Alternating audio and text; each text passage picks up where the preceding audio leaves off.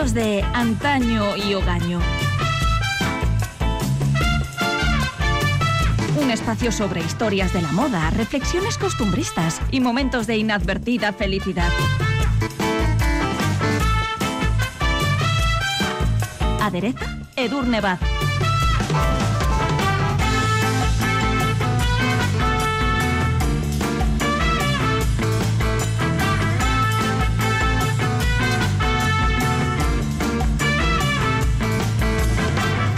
Cerramos con el presente episodio nuestro paseo por la historia del bolso, desde los sencillos y meramente utilitarios modelos de antaño hasta la gran variedad de bolsos en diferentes formas, tamaños, colores, materiales y, por supuesto, precios de Ogaño. Edurne Baz, ¿qué tal? Hola, muy bien. Y más allá de su carácter práctico y funcional, el bolso se ha convertido también desde aproximadamente la Edad Media en un intencionado reflejo de quién es o quién aspira a ser su portador.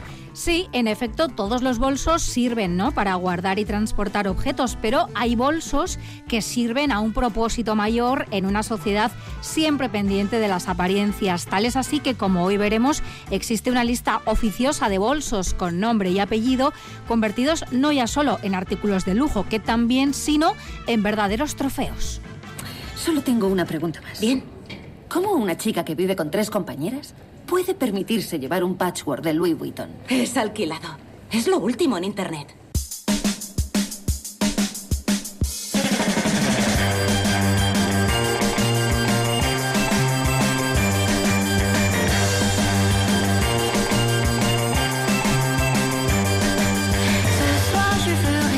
Para reanudar el recorrido histórico que iniciamos en el anterior episodio, nos situamos hoy en el siglo XIX, un momento en el que el bolso ya había pasado de ir colgado en la cintura y más o menos oculto entre los ropajes a ser llevado de forma muy visible en la mano. Ahí es donde vamos a iniciar el recorrido de hoy. Exactamente, y tal y como recoge la periodista Anna Johnson en su libro Bolsos, el poder de un accesorio, la idea de un bolso importante, de un bolso que anuncia tanto posición como riqueza, surgió en el siglo XIX, pero se perfeccionó, en el 20. El bolso clásico, fabricado por firmas que en la actualidad siguen marcando la pauta, empezó primero con el caballo y más tarde con el barco de vapor, el tren o el coche. No en vano, Louis Vuitton fabricaba baúles de viaje para Napoleón III y la casa Hermès, que se encargaba de las sillas de montar de la aristocracia, tuvo la hábil visión de transformar morrales y alforjas en elegantes y exclusivos bolsos. Prada o Gucci también hacían maletas de calidad, al tiempo que Fendi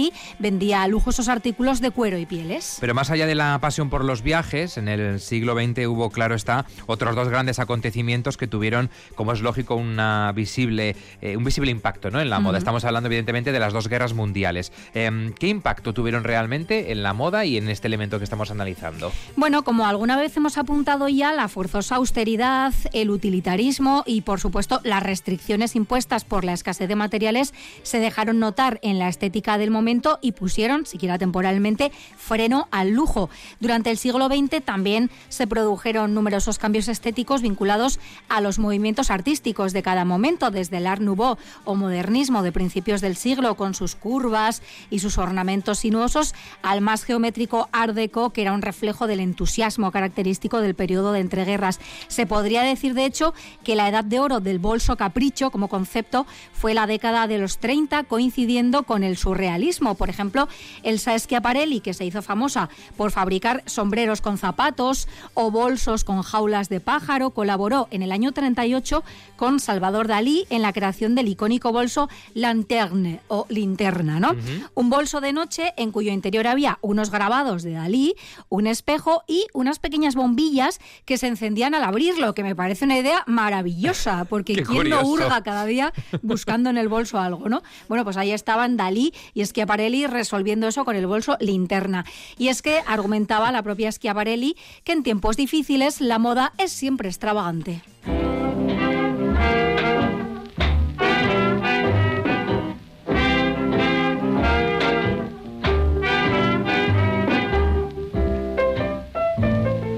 En esa Europa entre guerras marcadas por la Primera y la Segunda. Al término de la Segunda Guerra Mundial, Edurne se volvió a buscar de alguna forma ese añorado glamour de tiempos pasados. Sí, ahí estaba Christian Dior poniendo fin con su new look al pragmatismo y el utilitarismo que habían caracterizado la moda en tiempos de guerra y de inmediata posguerra, y el bolso ya volvió a ser un objeto decorativo y desacomplejadamente frívolo. De hecho, en octubre de 1948, la revista Vogue ya sentenciaba, ha llegado la hora de los accesorios sin límite, ya no hay excusa para apaños. Fue el momento cumbre de los bolsos fabricados con pieles de animales salvajes, por ejemplo, como los reptiles o leopardos, cuya posible extinción, pobrecitos, parecía no importar ni preocupar a nadie entonces, ¿no? Y fueron, por supuesto, los tiempos del bolso a juego con los zapatos, por ejemplo, ¿no?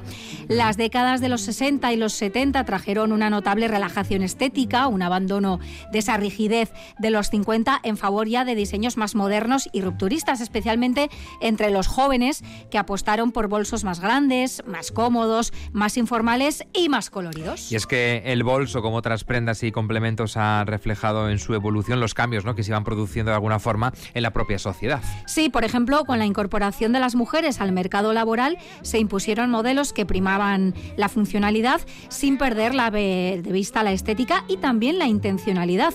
En palabras de Anna Johnson, a medida que aumentaban las responsabilidades profesionales de la mujer, también lo hacía el tamaño de su bolso. Hay mucho que guardar, ¿no? Exactamente. Y había que llevar, digamos, la oficina portátil, ya no solo una polvera o una barra de labios, ¿no? Y por citar un ejemplo, en la película Armas de Mujer del año 88, la transformación de Tess McGill, que es el personaje interpretado por Melanie Griffith, de infravalorada secretaria a respetada ejecutiva, se representa, entre otras cosas, con el cambio de su sencilla bandolera inicial a un elegante maletín posterior, ¿no? La década de los 90 marcó asimismo ya un hito en la historia del bolso porque cobró fuerza la logomanía, que ya había vivido una primera edad dorada ya por los 70 y de forma también apreciable en los 80, y se podría decir que los escudos familiares que en los siglos XV o XVI habían adornado y ennoblecido la parte frontal de los bolsos, resurgieron convertidos en los reconocibles logos de las grandes firmas que hoy todos conocemos y el vemos. sello, ¿no? El sello de la, sello de la firma. ¿eh? en el estampado del, del bolso. Bien visible, marca la diferencia. grande, que se pueda ver, que me lo puedo permitir, ¿no? Y esto trajo consigo la explosión definitiva de lo que conocemos ahora como it bag, ¿no? Ese concepto, el bolso, o para ser precisos, el bolso de lujo, se convertía oficialmente en un símbolo visible de exclusividad y poder. ¡Oh, Dios! ¿Un Louis Vuitton mío, de verdad? Exacto. Se acabaron los alquileres.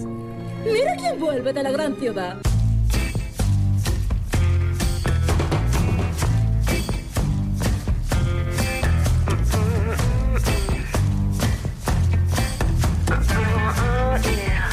Ido repasando desde el primer capítulo hasta el de hoy esa historia del bolso, desde sus inicios hasta la actualidad, y es momento de adentrarnos en ese pantanoso y sobre todo caro terreno de los bolsos de lujo para preguntarnos, casi retóricamente, ¿eh? ¿qué buscamos realmente cuando nos gastamos un auténtico dineral en un objeto destinado a almacenar y transportar nuestros enseres personales?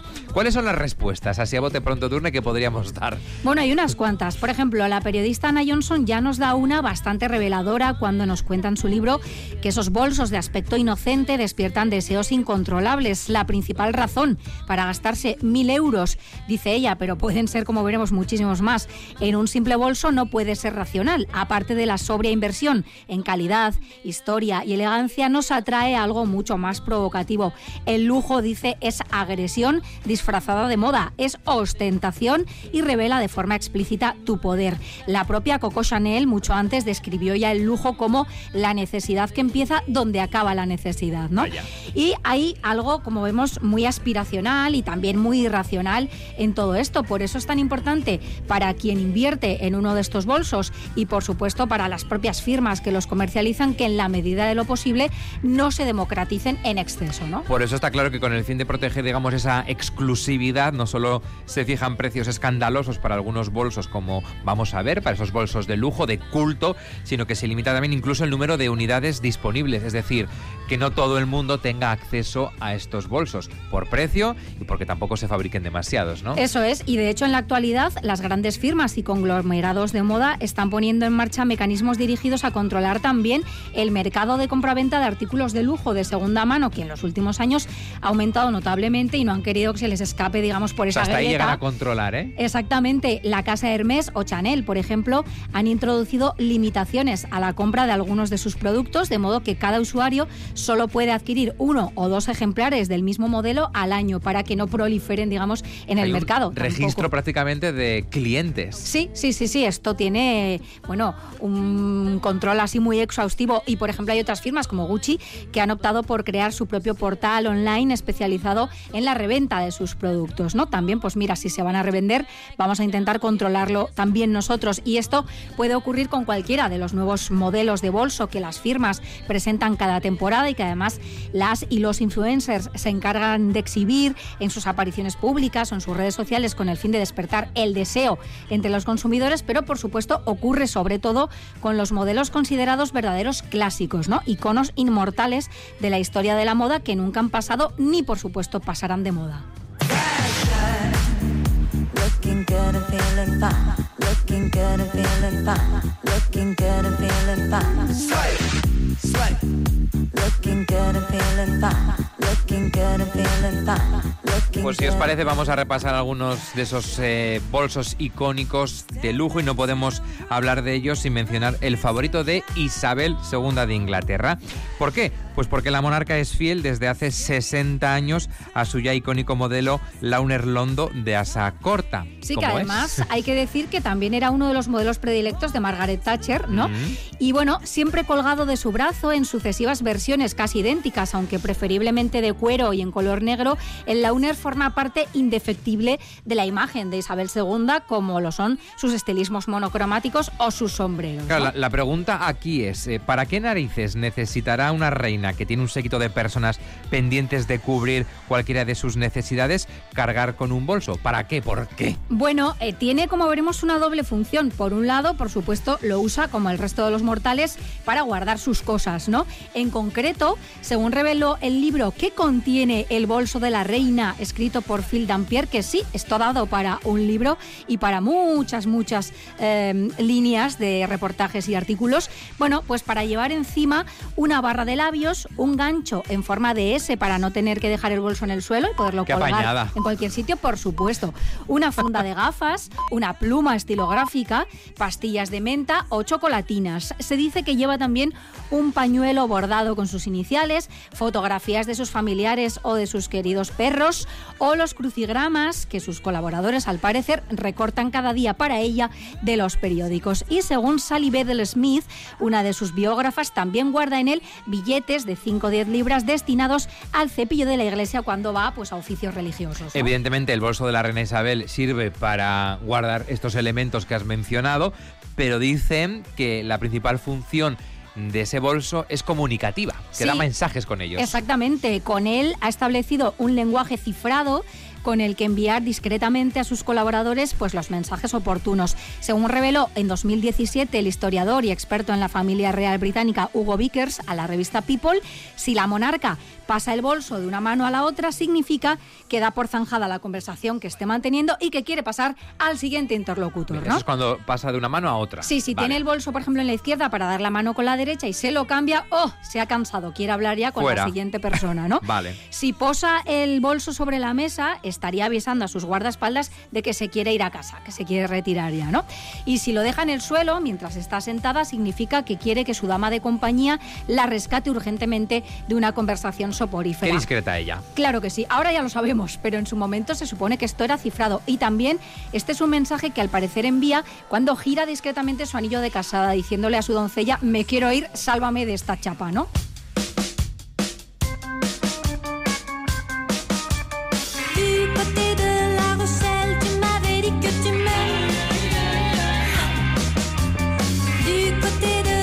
Top de los bolsos icónicos e imperecederos no puede faltar el modelo 2.55 de Chanel, bautizado así porque fue creado por la visionaria diseñadora en febrero de 1955, recién llegada de su exilio tras la Segunda Guerra Mundial y con 70 años bien plantados. ¿Cómo es ese Chanel 2.55?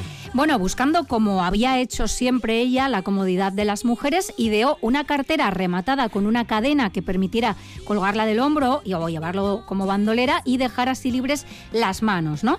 Inspirado por las alforjas y el guateado de los chalecos de los jinetes y de los mozos de cuadra, este icónico bolso acolchado que tantas veces hemos visto cuenta con un total de siete bolsillos, incluido un compartimento pensado para guardar la barra de labios, un bolsillo con cremallera que está escondido en la solapa y que se llama el bolsillo secreto, en el que dicen que Coco guardaba cartas de amor, o un bolsillo trasero de líneas curvas que es conocido como la sonrisa de Mona Lisa. Estos detalles hay que tenerlos en cuenta para detectar falsificaciones, aunque Ah, en fin, están muy bien hechas también. Hay que contar los decirlo. siete bolsillos, lo primero. Los bolsillos, las costuras, el forro, todo eh, tiene su aquel, ¿no? Siempre práctica ella, por ejemplo, eligió forrar el interior del bolso con un tejido de color granate para que al abrirlo fuera más fácil detectar los objetos y localizar lo que buscaras en su interior.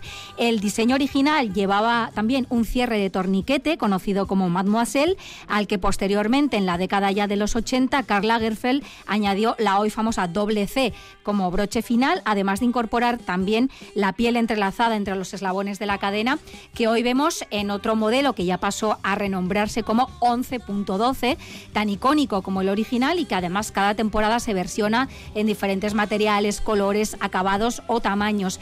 Puede llegar a rondar los 7.000 euros tranquilamente, Tranquilamente. por lo que no solo es uno de los bolsos más buscados, sino también, como decíamos, uno de los más falsificados.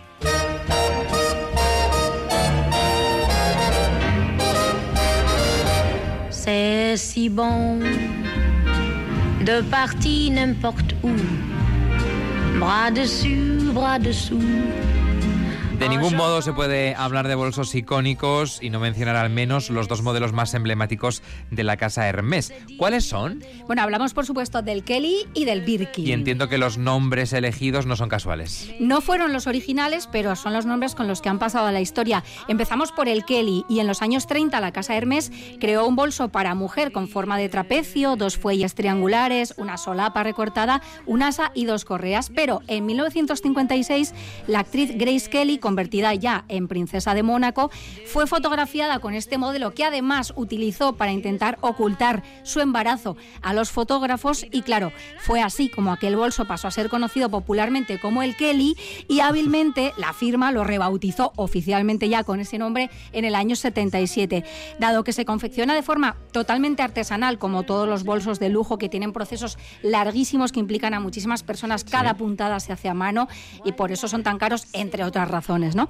Pero bueno, en este caso hay un proceso que puede llevar más de 20 horas de trabajo, hay que encargarlo con más de un año de antelación y su precio obviamente es prohibitivo. A ver, ¿no? a ver. Para que nos hagamos una idea, las opciones, ojo, de segunda mano pueden oscilar entre los 2.000 y los 60.000 euros dependiendo del modelo. 2.000 y 60.000 euros por un Kelly de segunda mano. Em, igual de caro, inaccesible, es la otra joya de la corona de la casa Hermès, el Birkin. ¿Cuál es la historia de este bolso y por qué Bueno, pasó a llamarse Birkin? Este probablemente sea el bolso más caro mm, del mundo y de la historia, ¿no? Pero bueno, en 1984 la cantante y actriz anglo-francesa Jane Birkin coincidió casualmente en un vuelo de París a Londres con Jean-Louis Dumas, que era entonces gerente de Hermès, y al intentar encajarla en la cabina aérea, a Birkin se le desparramó el contenido de la cesta de mimbre que ella solía llevar muy bohemia, pues para sus cosas y sus enseres, y se quejó a Dumas de que no encontraba ningún bolso que se ajustase a sus necesidades, ahora que además era mamá primeriza. Pues mano a mano cuentan que se pasaron el vuelo dibujando y dicen que fue en una bolsa de vómito, obviamente sin usar, pues un nuevo bolso de viaje rectangular, flexible, amplio y con cierre que incluía hasta un compartimento para los biberones. Y ese bolso, bautizado en honor de la cantante, se ha convertido en el más caro, deseado e inaccesible de la historia. No solo tiene un precio realmente inconcebible, sino que se fabrican muy pocas unidades, razón por la que nació la ya legendaria lista de espera. Cuatro mil dólares. Ya lo sé. Y hay lista de espera. Lo supongo. De cinco años. ¿Por este bolso? Esto no es un bolso. Es un Birkin.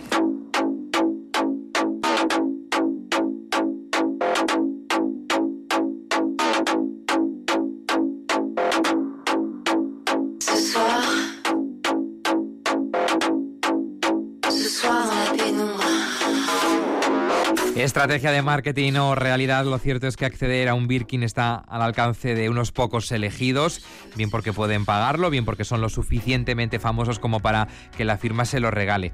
Em, pero ¿cuánto cuesta verdaderamente un Birkin? Bueno, es que la horquilla de precios con el Birkin es muy loca, porque podríamos partir tranquilamente de los 10.000 o los 20.000 euros y llegar al infinito y más allá, ¿no? Hay ediciones limitadas, por ejemplo, el modelo Himalaya, que se ha subastado y ha alcanzado pues precios que superan los 300.000 euros, ¿no? Pero como algunos llevan incrustaciones de piedras preciosas y demás, pues en fin, Seguramente que están sobrevalorados, ¿eh? eh, claro, a ver, estamos pagando calidad, pero ahí hay muchas más cosas que se están pagando, el que pueda, claro, Claro. y algunos pues se lo regalan, ¿no? Pero no es nuestro caso. Y también un apunte curioso en este sentido, porque Jane Birkin, la que dio nombre al bolso, ha pedido formalmente a la casa hace poco que rebautice este bolso que lleva su nombre hasta que no utilice para fabricarlo mejores prácticas que respondan a la normativa internacional sobre el sacrificio de animales.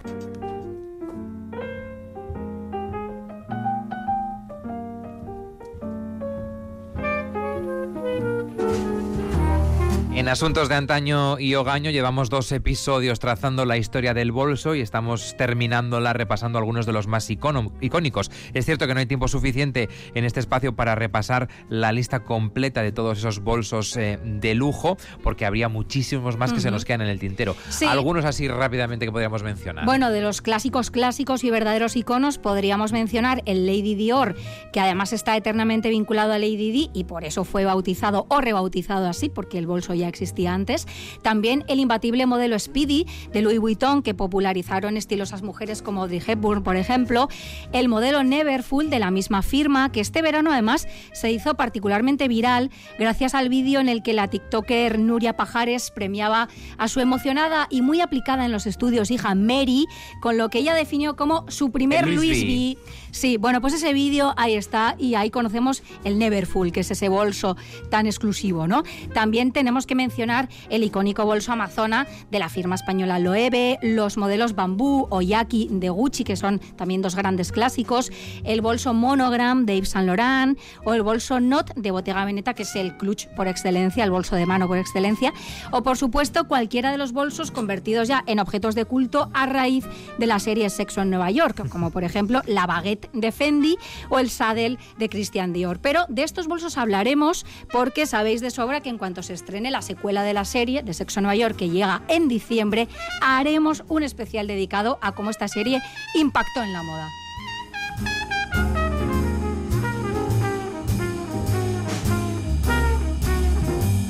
Llamadme clásico, pero yo me quedo con el Kelly. Tú quieres de un Kelly. A mí me cuesta Se mucho aceptan decidirme. regalos. El Lady Dior me encanta también. Bueno, ¿eh? se aceptan Mm. regalos incluso eh, si son Y falsificaciones. de segunda mano también. Sí, ya ambicionamos muy poco, o sea.